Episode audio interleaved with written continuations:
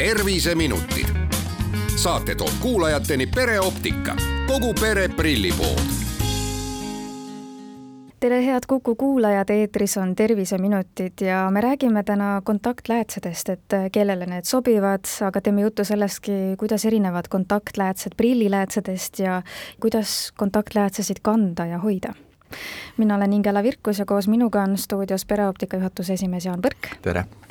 Pereoptika optometrist Laura Tõnov. tere! ning Essilori prilliklaaside tootespetsialist Margo Tinno. tere!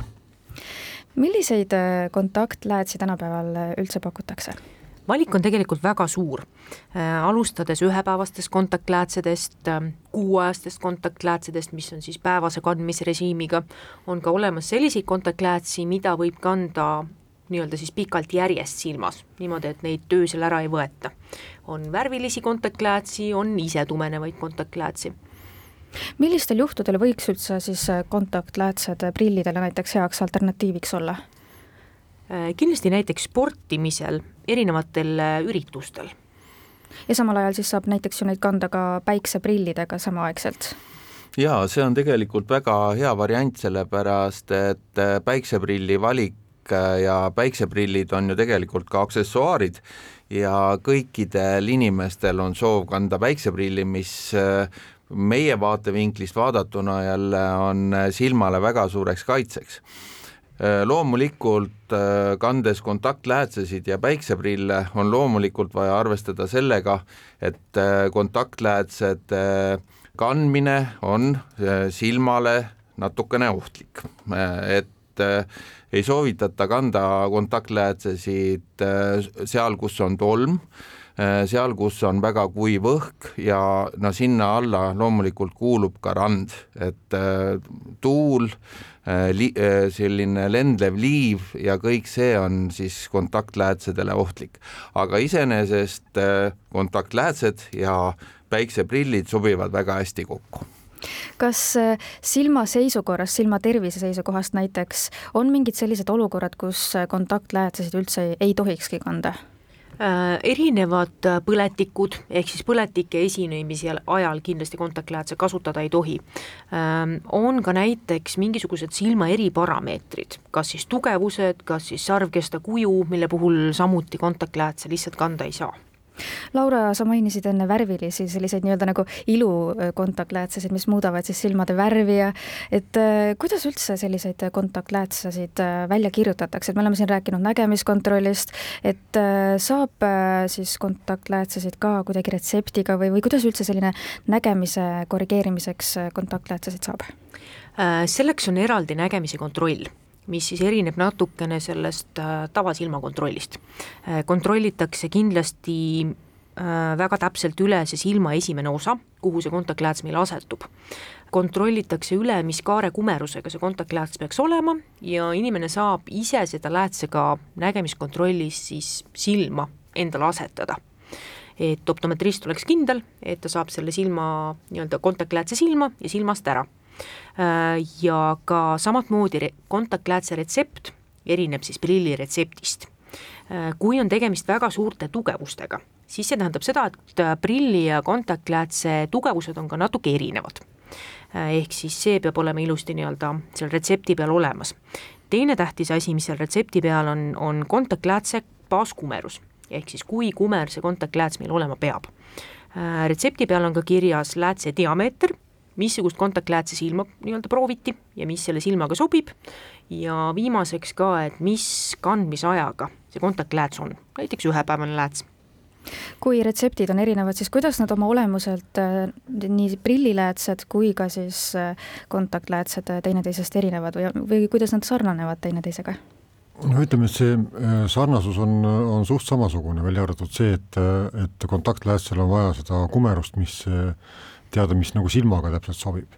aga mida ma tahaks öelda, on see, et, et, et inimesed ei kannaks äh, kontaktläätsi ütleme niimoodi kriminaalselt palju, et äh, loomulikult kontaktlääts on silmale kõige selline loomulikum äh, nagu ühendus või loomulikum osa sellest silmast, et me näeme kontaktläätsega kõige paremini, ta on kõige mugavam ja ta on kõige loomulikum aga peab arvestama sellega, et see kontaktsus tekitab ikkagi silmas äh, teatud probleeme igasugustes äh, ütleme sellistes äh, servaalades, eks ole, et küll selle verevarustuse, küll pisaravoolusega, küll selle niiskusega, küll, küll mikroobse sellise koostisega, nii et prilli olemasolu on oluline. Ja tähendab see seda, et peab olema valmis kogu aeg kandma prilli ja kontaktläätse vaheldumisi. Et kui keegi on kandnud äh, väga pikalt äh, kontaktlähetuse ja on sellesse, äh, sellest kandmisest väga sisse võetud ja ei, ei taha prilli enam kanda, siis tekib olukord ühel hetkel, kus prilli kandmine ongi ebamugav ja kuna läbi selle näha on ebamugav, et siis peab pidama nõu ütleme, kaupluse töötajatega ja, ja, ja noh, mõtlema seda, et milline läätse tüüp sobiks kõige paremini, mis oleks kontaktläätse sellisele toimele võimalikult ligilähedane et äh, seda peab siis äh, arvestama, et nad ei ole kunagi samasugused. ja mina rõhutan seda, et äh, tegelikult ei ole kasulik silma nüüd prillist võõrutada, sellepärast et, et noh, kui me asetame sellele silmale selle nii-öelda tehnilise läätse peale, noh, ükskõik kuidas me mõtleme, me teame seda, et, et me tegelikult kasutame seal äh, nii-öelda võõrkeha. Ja see võõrkeha tegelikult on otseses kokkupuutes meie eh, silmaga ja, ja need probleemid seal on näha siis, kui see probleem on tekkinud ja siis, kui see probleem tekkinud on, siis on hästi raske seda parandada. kui pikalt ja kui tihti tohib siis kontaktläätsi kanda? tegelikult see oleneb hästi palju sellest äh, silma, enda silma kuivusest. ütleme niimoodi, et et äh, enamasti kantakse läätse päevase kandmise režiimiga kuskil kümme kuni neliteist tundi.